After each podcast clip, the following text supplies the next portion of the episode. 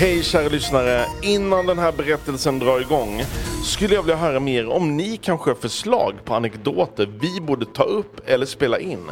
Tipsa gärna oss, gå in på highcoastradio.com. Det här är en berättelse av och med Karin Bergström. I Örnsköldsvik finns det och har funnits många intressanta människor genom åren. Lyssna på Karin när hon berättar om Zinkmannen som levde mitt i stadskärnan.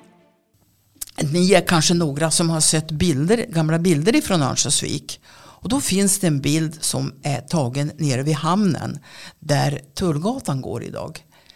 Och där står det en man som verkar vara en tvärhand hög.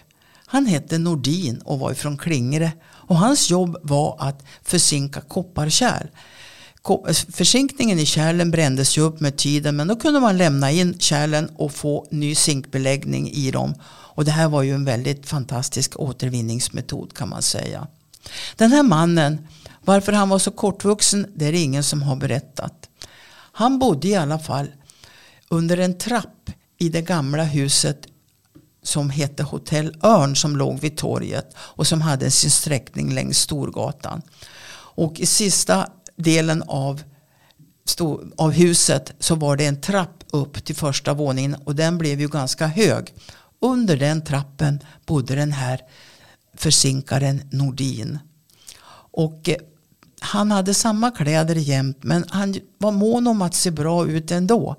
Så han lät väl tvätta dem på något vis. Så när han skulle till kyrkan så var han väldigt noga med att han var hel och ren trots att han bodde under en trapp.